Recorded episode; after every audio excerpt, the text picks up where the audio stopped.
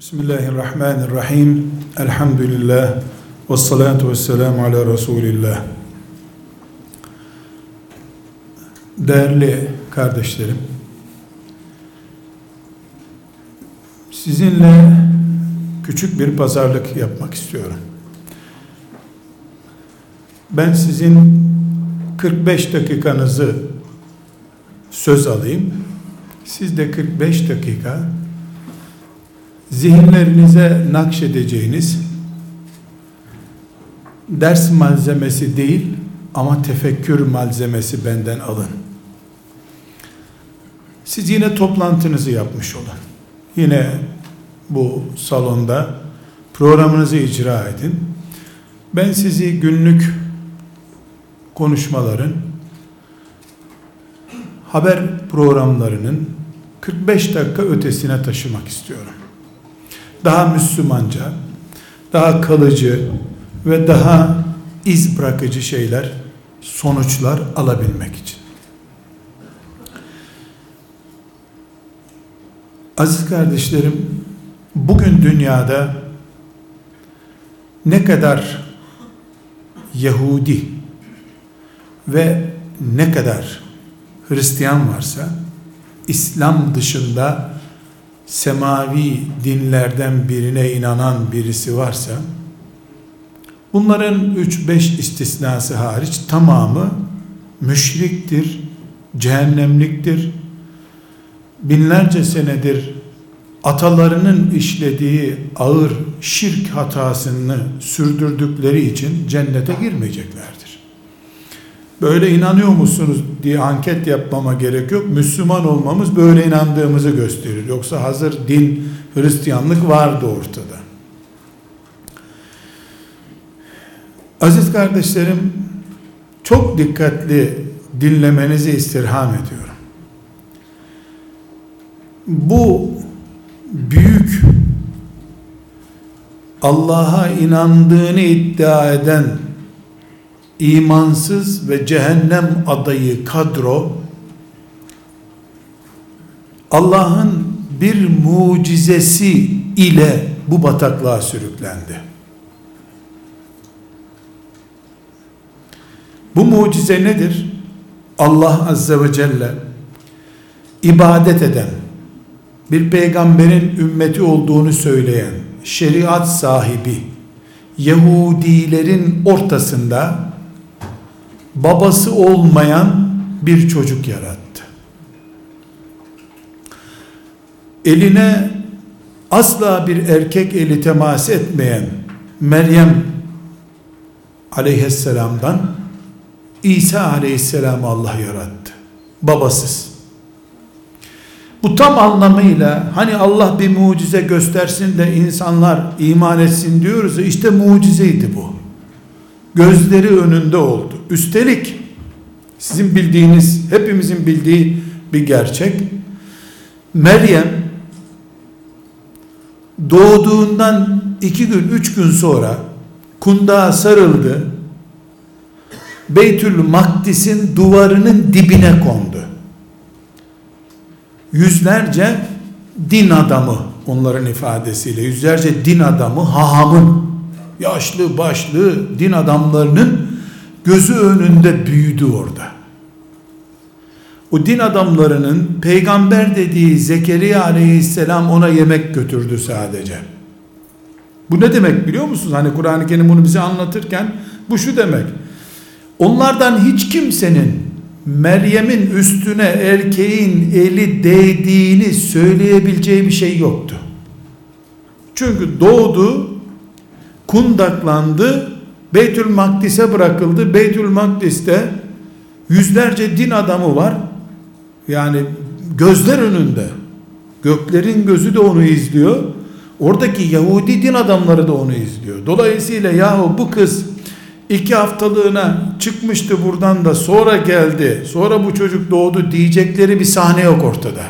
Gözlerinin önünde oldu ve İsa aleyhisselam bir mucize olarak doğdu. Adem aleyhisselamın yaratılmasından sonra çamurdan yaratılmasından sonra Adem aleyhisselamın insan yaratma türünde İsa aleyhisselam en büyük mucizedir.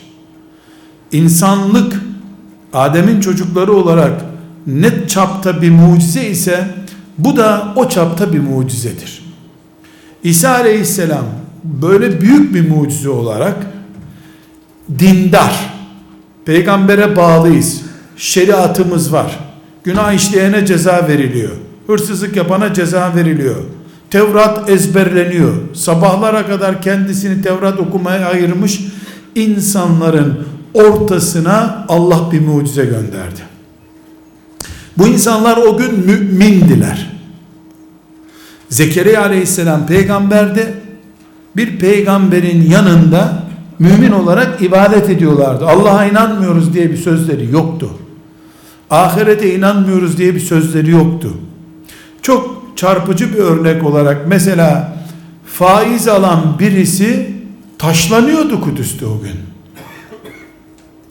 Faiz yedin sen diye. Ya İslami dediğimiz bizim İslami olarak isimlendirdiğimiz kurallar vardı.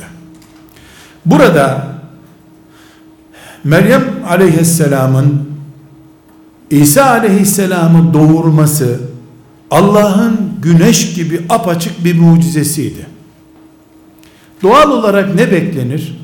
Herkesin bu büyük mucizeyi gördükten sonra Allah'a imanlarının taptaze olması ve yeniden iman etmiş gibi heyecanlanıp secdeye kapanmaları sonucunu getirmesi gerekiyordu. Zaten dindar bu insanlar. Evet, Musa Aleyhisselam'dan sonra düştüler, kalktılar ama öyle böyle dindar işte. Nasıl olsa şimdi de herkese dindar deniyor. Şimdiki gibi dindar bunlar. O günkü mevcut dinin dindarları. Sonuç ne oldu ama? Herkesin pes edip Allah'ım ne büyüksün sen ya diyeceği ve gidip de önünde ey Allah'ım bunu bize gösterdin yahu. Ben tamam bundan sonra yaşamasam da olur diyecekleri kadar büyük bir mucize karşısında bir Yahudilerin hahamları başta olmak üzere din adamları başta olmak üzere gözleri önünde tertemiz el değmemiş hatta göz değmemiş bir kızın babasız doğurduğu çocuk yüzünden kızı itham ettiler ve çocuğu yok kabul ettiler. Ola ki şok geçirmişlerdir diye Allah bilir ya muradını şok geçirmişlerdir diye İsa aleyhisselam yine üç günlükken kendisi de üç günlükken konuştu. Ey insanlar bu benim anamdır dedi. Ben Allah'ın kuluyum. Peygamber olacağım. Allah bana şimdiden anama iyilik etmemi emretti. Namaz kılmamı emretti. Hadi selamun aleyküm dedi. Konuştu. Üç günlük çocuk. Mucize mucize üretti. Buna müthiş sihir yapmışlar deyip bunu da iptal ettiler. Bugün Yahudilerin kitapları kaldırılmış ve Allah'ın en lanetli millet olma sürecinin karar ilan günüdür o gün. Ondan önce de büyük potlar kırmışlardı. Musa Aleyhisselam'ı bunaltmışlardı. Berbat işleri vardı ama o gün ipler koptu onlar için. Kalemleri kırıldı. O gün yeryüzüne Allah bu dev mucizeyi insanlar görsünler, iman etsinler diye indirdi. Yahudi kitlesi Allah'tan koptu, veda ettiler kulluğa. imana veda ettiler. Ama bugün o Allah'ın kulları üzerindeki en büyük mucizesi, mümin kullarına indirilen o mucizesi milyarlarca Hristiyanın bütün diyalogların cennete girecek safsatasına rağmen cehennem kütüğü olarak ahire gitmenin, gitme nedeni de o gündür. Çünkü o gün Allah'ın babası olmadan Meryem aleyhisselamdan yarattığı o çocuğa bakıp Allah'ın azametini görmeleri gerekirken mümin oldukları halde İsa aleyhisselamın yanında daha sonra İsa Aleyhisselam 30 küsur yaşında peygamber olduğunda peygamberinizim dediğinde onun etrafında döndükleri halde bu babasız yaratılması mümkün değil. Bunun babası Allah'tır dediler. En basit kertenkelenin bile söylemeyeceği sözü söylediler. Allah'ın oğlu var. Meryem Allah'ın yakınıdır. Haşa diye ilan ettikleri için o günden bugüne 2017 sene geçtiği için o günden bugüne milyarlarca insan sıfır ihtimalle cennetin sıfır olduğu bir ihtimalle ahirete gidecek. Allah'ın oğlu var diyen cennete giremez. Hiçbir şekilde giremez. Yahudiler onları kıskandı. Ne yapıyorsunuz ya? Asıl oğlu Allah'ın Uzeyr'dir dediler. Şirkte rekabete girdiler. Buradan anlıyoruz ki kardeşlerim, birinci paragrafımızı bitirirken, imanın güçlenmesi için, mümin bir ortama, Allah'ın indirdiği bir mucize, milyarların cehennem nedeni oldu. Mevcut bataklık da o günkü mucize üzerinden devam ediyor zaten. Teslis denebilir buna veya başka bir felsefe denebilir. Ne denirse densin. İsa Allah'ın oğludur. Haşa. Uzeyr Allah'ın oğludur. Haşa. Subhanallahi amma yekulun. Allah'ın tenzih ederiz böyle sözlerden. Bunu bunu söyleyen insanlar milyarları da bulsalar cehennem kütüğüdürler. Ama bu cehennemlik milyarlar esası mucize olan bir sahneden çıktı.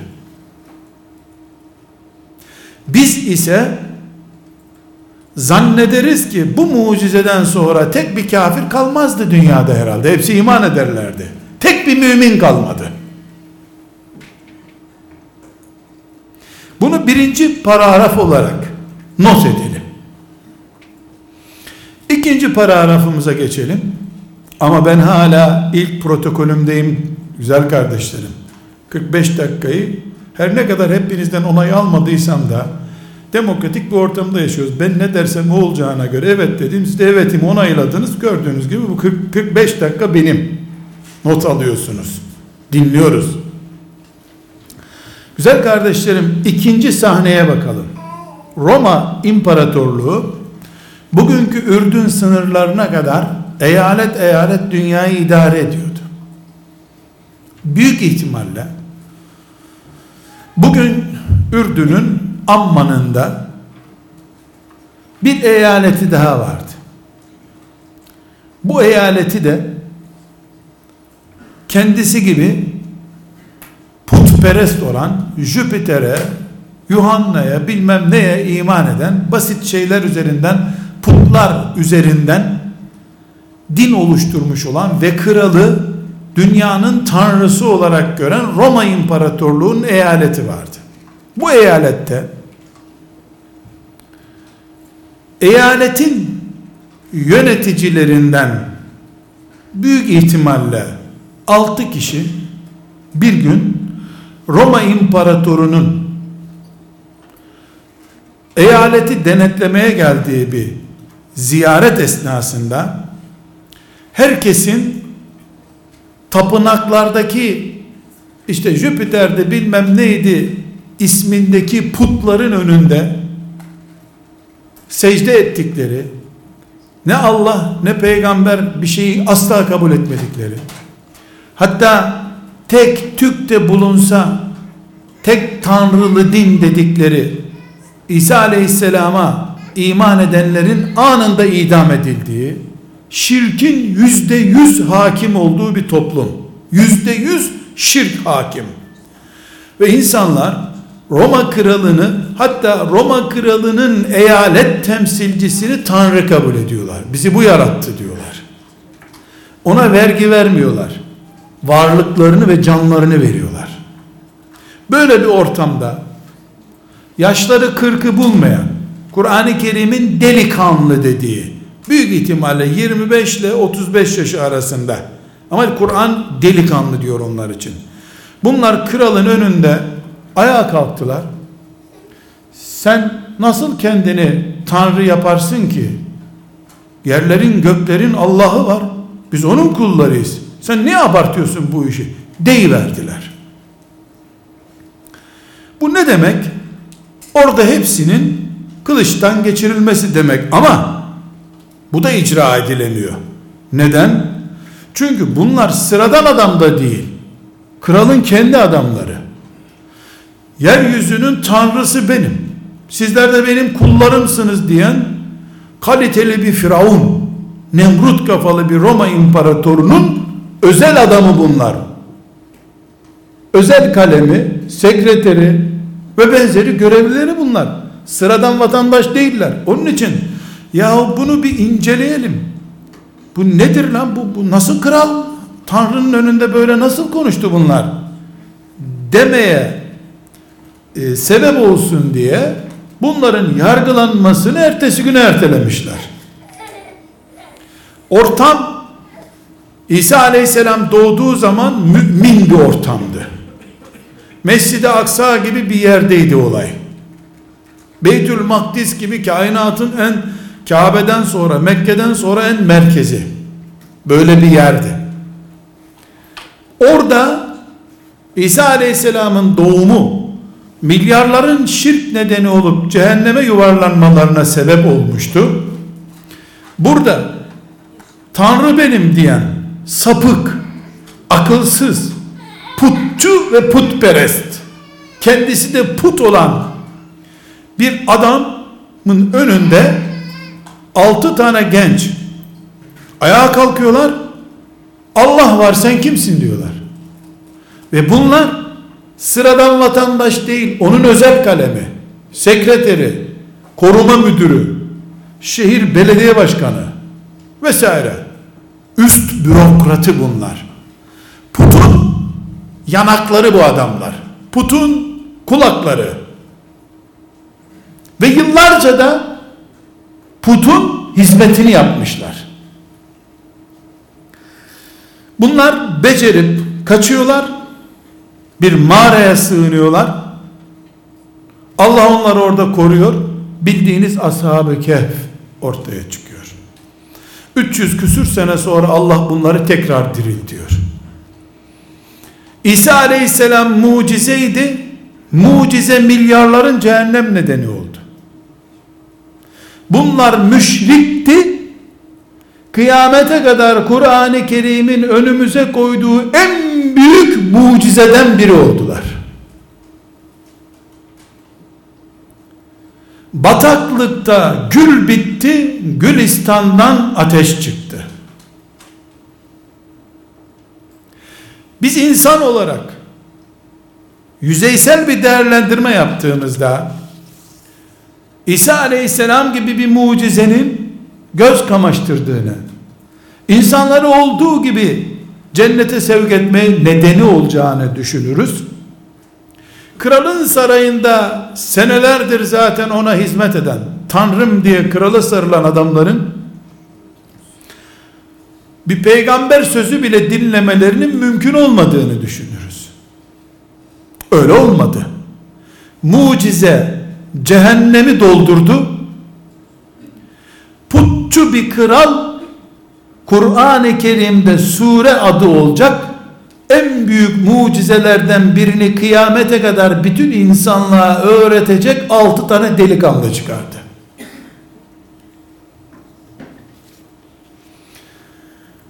Güzel kardeşlerim, üçüncü paragrafıma geçiyorum. Filan fakültede okuyorsunuz. Filan işte görevlisiniz. Bunların tamamını gözünüzün önüne koyabilirsiniz. Siz yüreğinizde imanınızla Roma'da bile bulunsanız sıradan bir Müslüman değil Kur'an'ın mucize dediği adamlardan biri olarak Allah'ın önüne gidebilirsiniz. Ama aksini düşünüp bunun aksi olan zikzaklı bir kalbin sahibi olup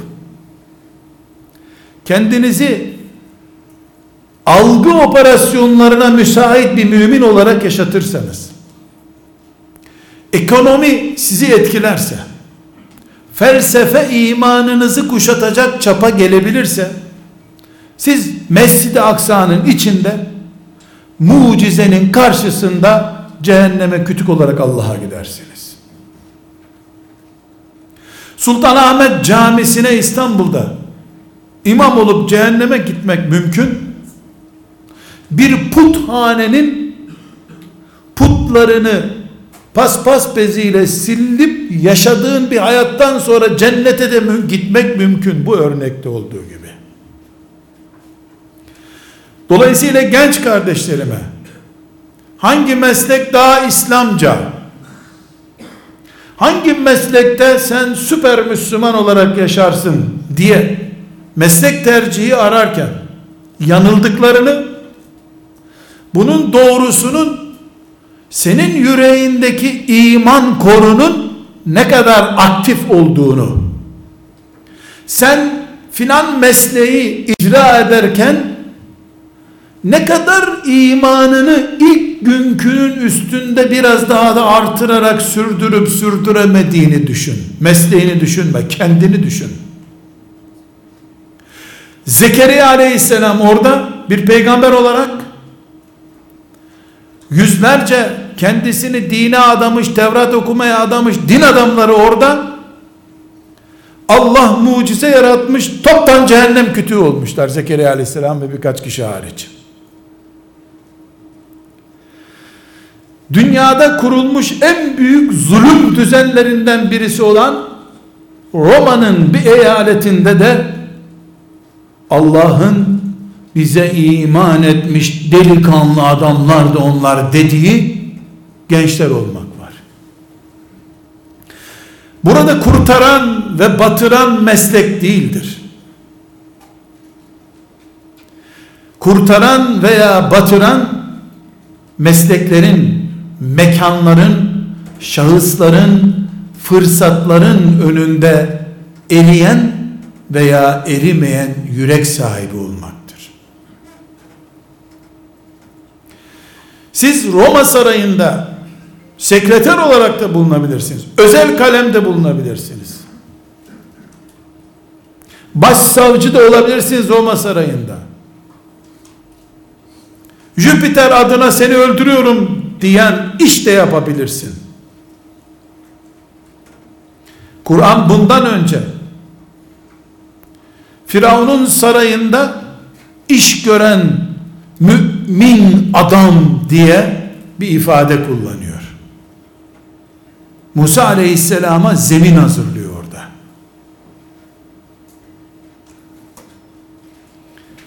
Kardeşlerim, demek ki kuralımız şu. Biz mesleklerimizle veya mekanlarımızla ya da hayatın karşımıza çıkardığı fırsatlarla Allah ile olan imani ilişkilerimizi düzenleyemeyiz. Meslek veya mekan bir insanın Allah'la ilişkisini pozitif anlamda düzeltecek olsaydı mekanların en mukaddesi Mekke'de insanların en mübareği Muhammed Aleyhisselam'a amcalık yapan Ebu Bekir radıyallahu anh'tan daha fazla ona hizmet eden Ebu Talib'in şu anda radıyallahu anh dini anılması lazımdı. Ama öyle anılamıyor maalesef. Ne mekan ne insan ne de Muhammed Aleyhisselam'ı çocukluğundan yaşlılığına kadar hizmet etme fırsatı ile önünde bulan bir imkan Ebu Talib'in işine yaramadı. Ebu Talib'in yüreği buna müsait değildi çünkü. Ebu Talib toplumun ne diyeceğine önem veren bir insandı. Toplumun ne diyeceği de belli olduğundan Allah'ın ne diyeceğine sıra bulamadı bir türlü. Bunun için genç kardeşlerim, ateşe girip yanmamak da mümkündür. Suyun içinde yanmak da mümkündür. Senin kapasitene bağlı. Suda tutuşan bir nesne de olabilirsin sen. Nitekim çok iyi mümin annelerin, babaların çok iyi fırsatlarla yetiştirilmiş, belki hafız yapılmış, çok iyi çevrelerde yetiştirilmiş, sayamayacağımız kadar gencin bugün bu toplantıda anılamayacak kadar kötü durumlarda olması suyun içinde yandıklarını gösteriyor.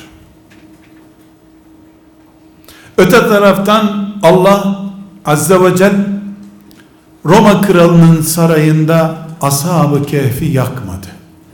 Ateşin tam ortasındaydı Roma'nın sarayı. Ateş oydu zaten. Dünyayı zulmüyle yaktı.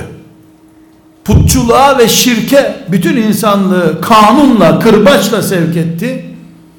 Ama o ortam Kur'an-ı Kerim'in öne çıkardığı en büyük mucize insanlar çıkardı. Halbuki Mescid-i Aksa ve Kudüs adıyla bir defa kurtarıcı zaten.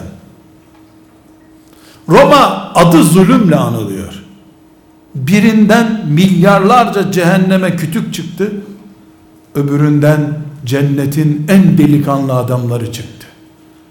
Yarın cennette Hüseyin ve Hasan ile radıyallahu anhuma kol kola delikanlılar olarak kim muhabbet edecek şöyle bir orijinal isim verelim desek en garantili isim ashab-ı kehftir.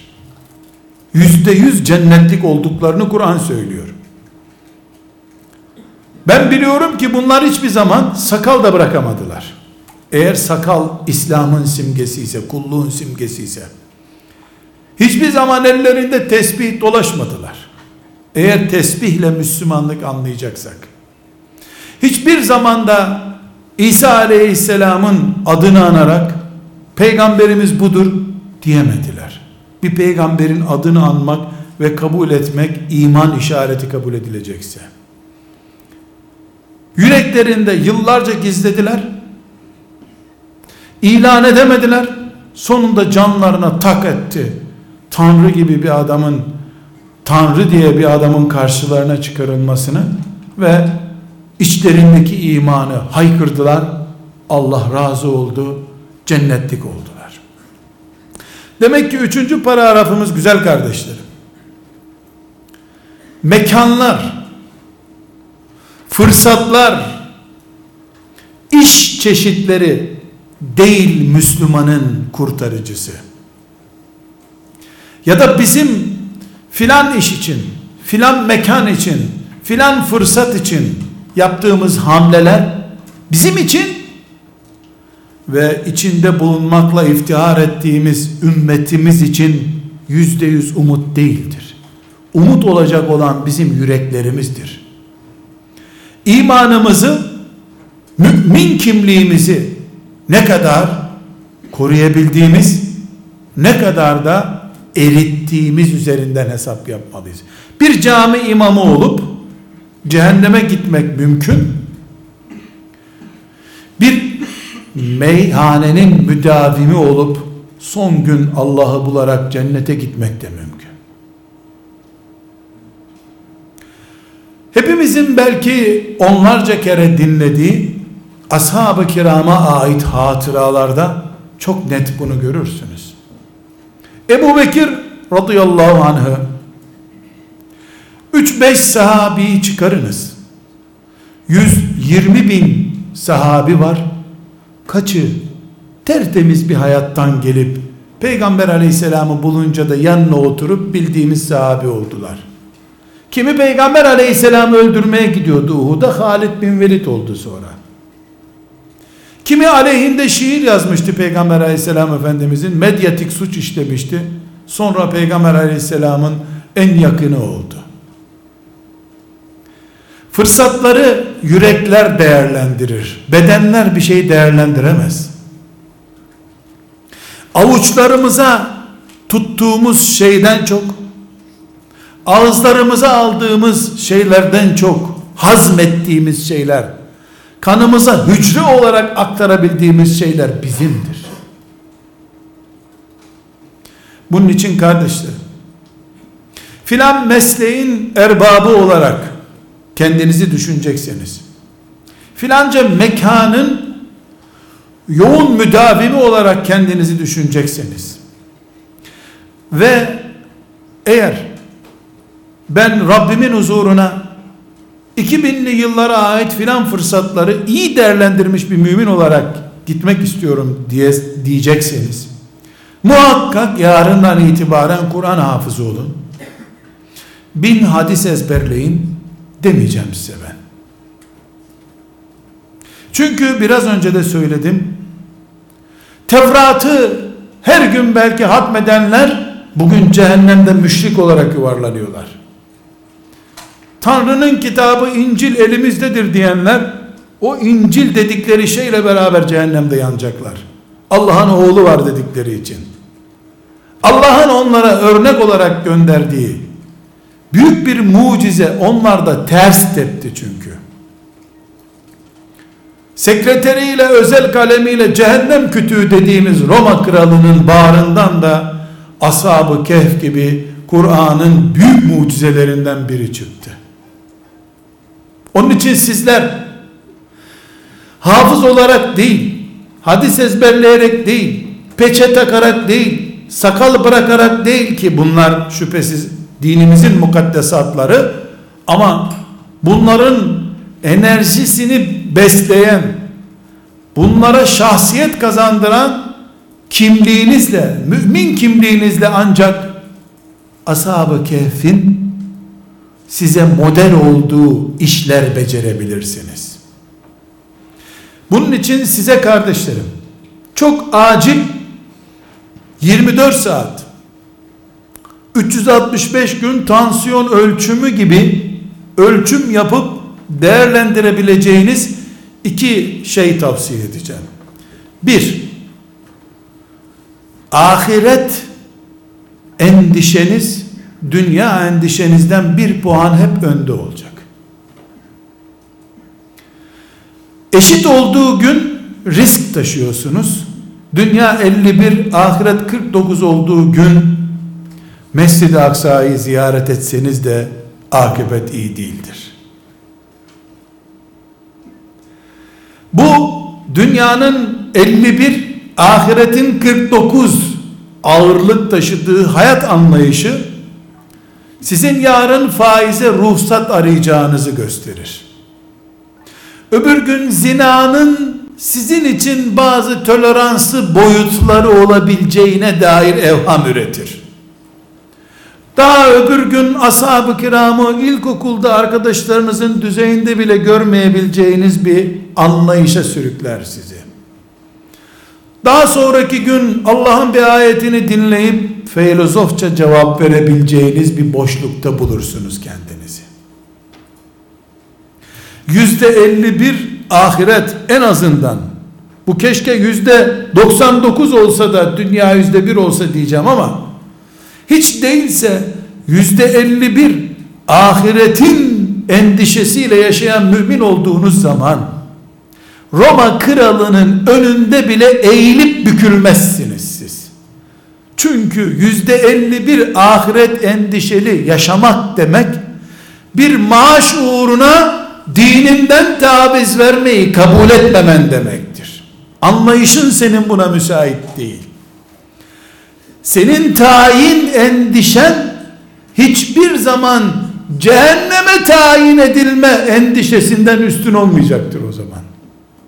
Aksini düşündüğümüzde ise seni A ilçesinden B ilçesine tayin edecek olsalar üstelik de terfi ederek oranın bir üst makamına geçirerek bu bile senin eşinin o gün kabul etme riski işte eşim uygun bulmadı annesine uzak bir yer gibi makul bir gerekçe olsa sen o gün A ilçesinden B ilçesine gitmeyi bile kuşatma altındaki Halep'te ölümcül anlar yaşayan bir vatandaş görüntüsüyle algılayacaksın.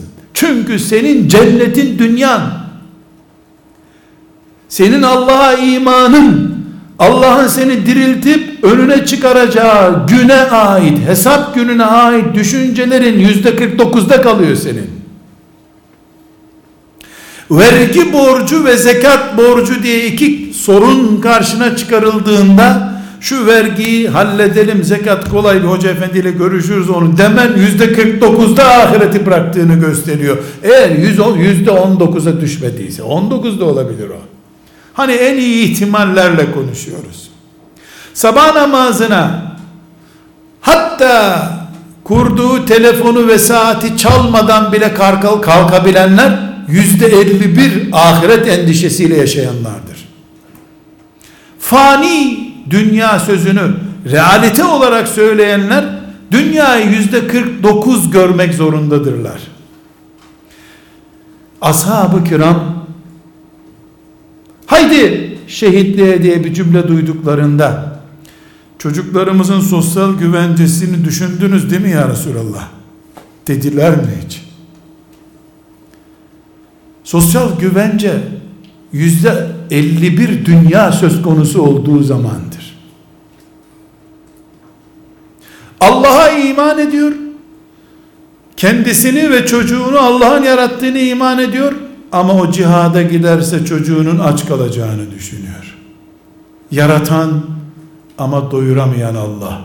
Yüzde kırklara düşmüş bir Allah inancıdır bu. Bunun için kardeşlerim Roma'da Jüpiter'in Asya kıtasının tanrısı diye kabul edildiği ortamda özel kalem müdürü olun, varın olun serbestsiniz. Yüzde 51 ahiret hiçbir zaman aşağı düşmesin. Yüzde 51'de küçük bir puanla kaybetme riski olduğu için şunu isterseniz yüzde 60'lara çıkaralım. Yüzde 60 mı? Yüzde 35 mi olduğunu da çok kolay ölçebilirsiniz. Sabah namazı kelimesi sizin için ne ifade ediyor? Bu haramdır sözünden ne anlıyorsunuz? Günün birinde büyük oranda bu sözümün aksül amel bulacağı yer yok ama ileriki yıllar adına konuşuyorum. Eşinizin size Allah'tan kork ne yapıyorsun? Benimle ilgilenmiyorsun dediği zaman o iş başka mı diyeceksin?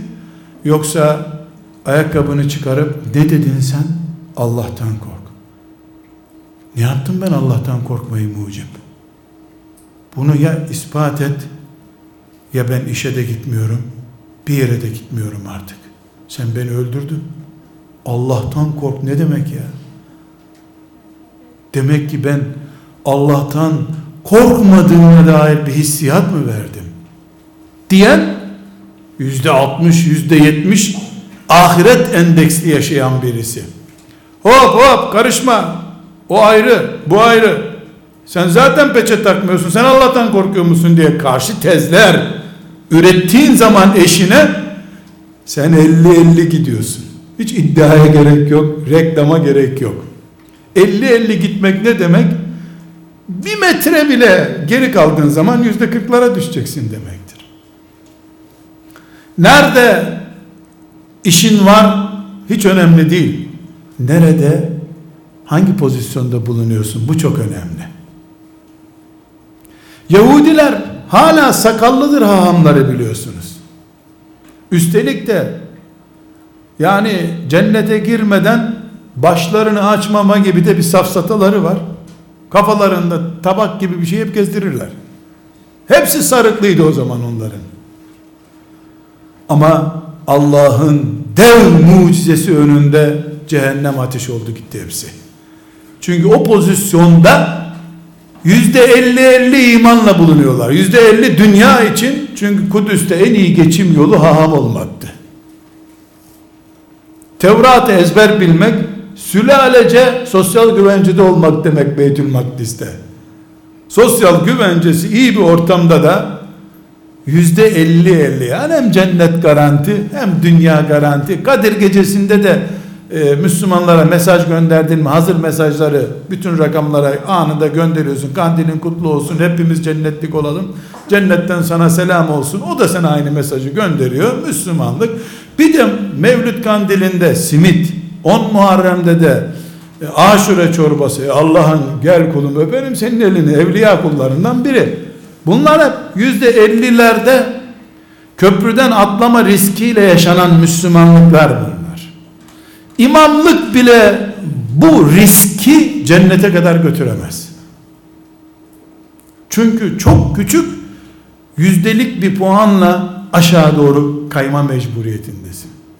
Birincisi kardeşlerim, hangi mesleği icra edersek edelim, nerede icra edersek edelim, Mekke'de veya Moskova'da, iki zıt isimden birisinde kadı ol, Moskova'da komünist platoryasının bilmem nesinin temsilcisi ol. Hiç önemli değil.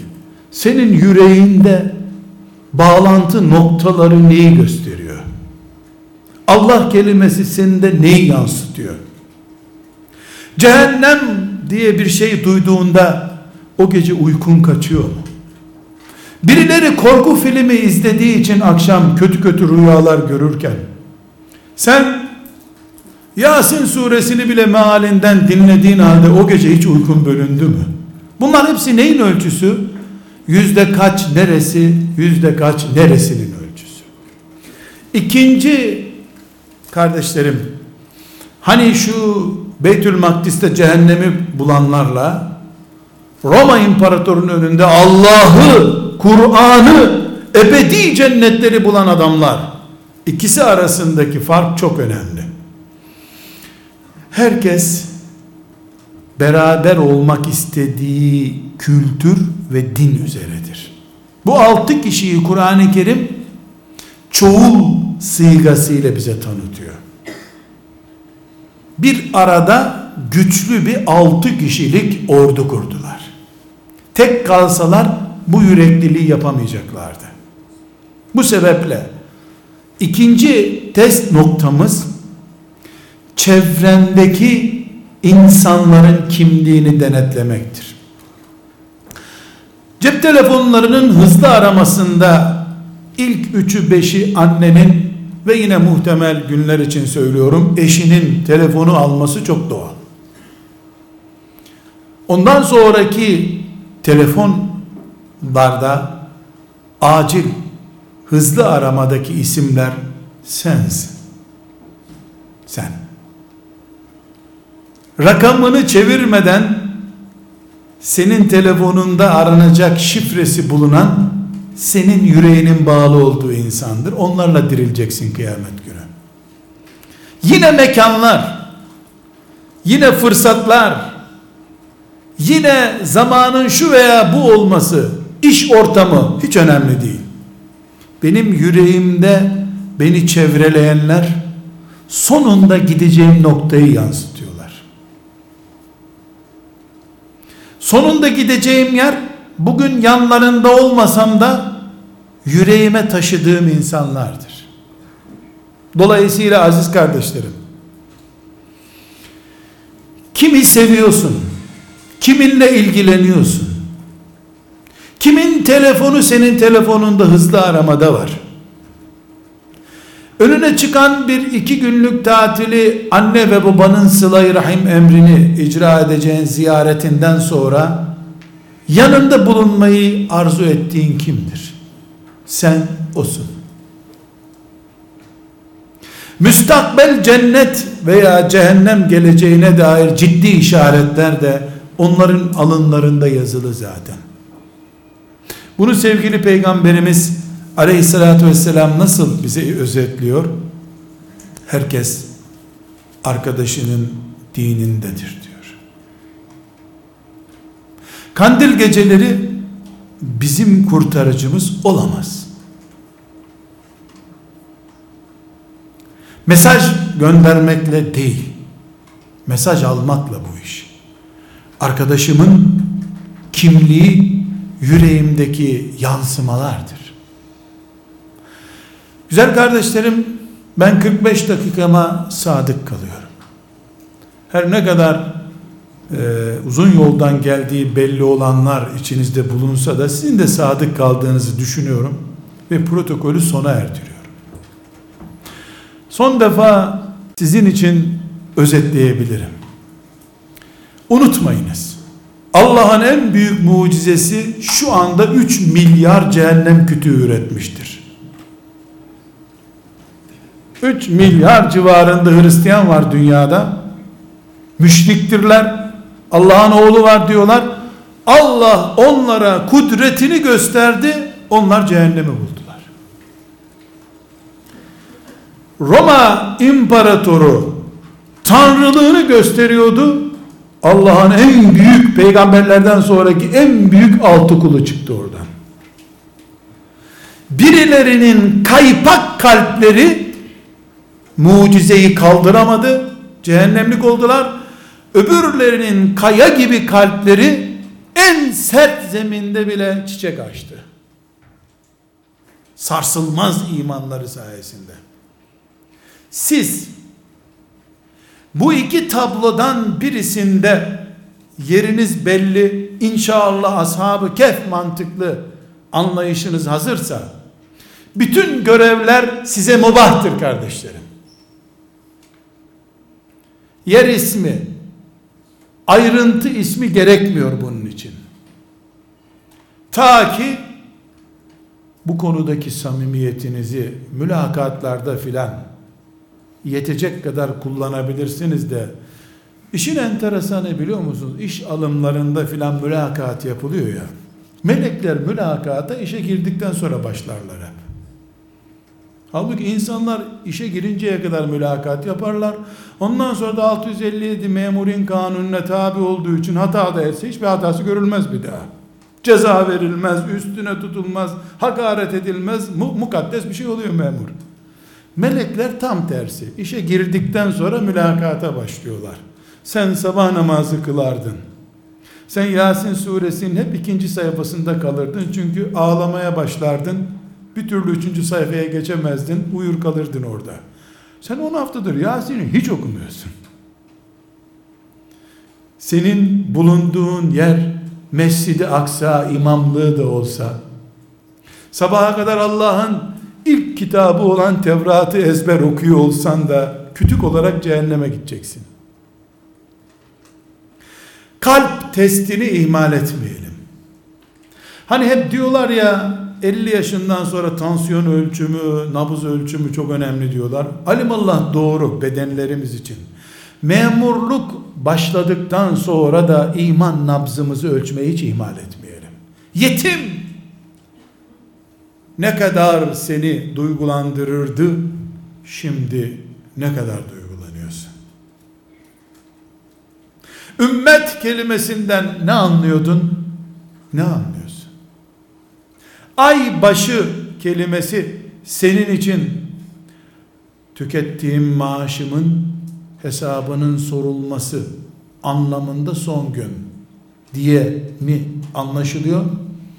Yeni ayın başındaki maaşla mı anlaşılıyor? Tükettiğinin hesapları mı hayal ettiklerinin rüyaları mı seni ilgilendiriyor? Yüzde 51 neresi? Yüzde 49 neresi? Bütün işler serbest kardeşlerim. Ve ders de bitti, konuşma da bitti. Her şey serbest. Selamun aleyküm.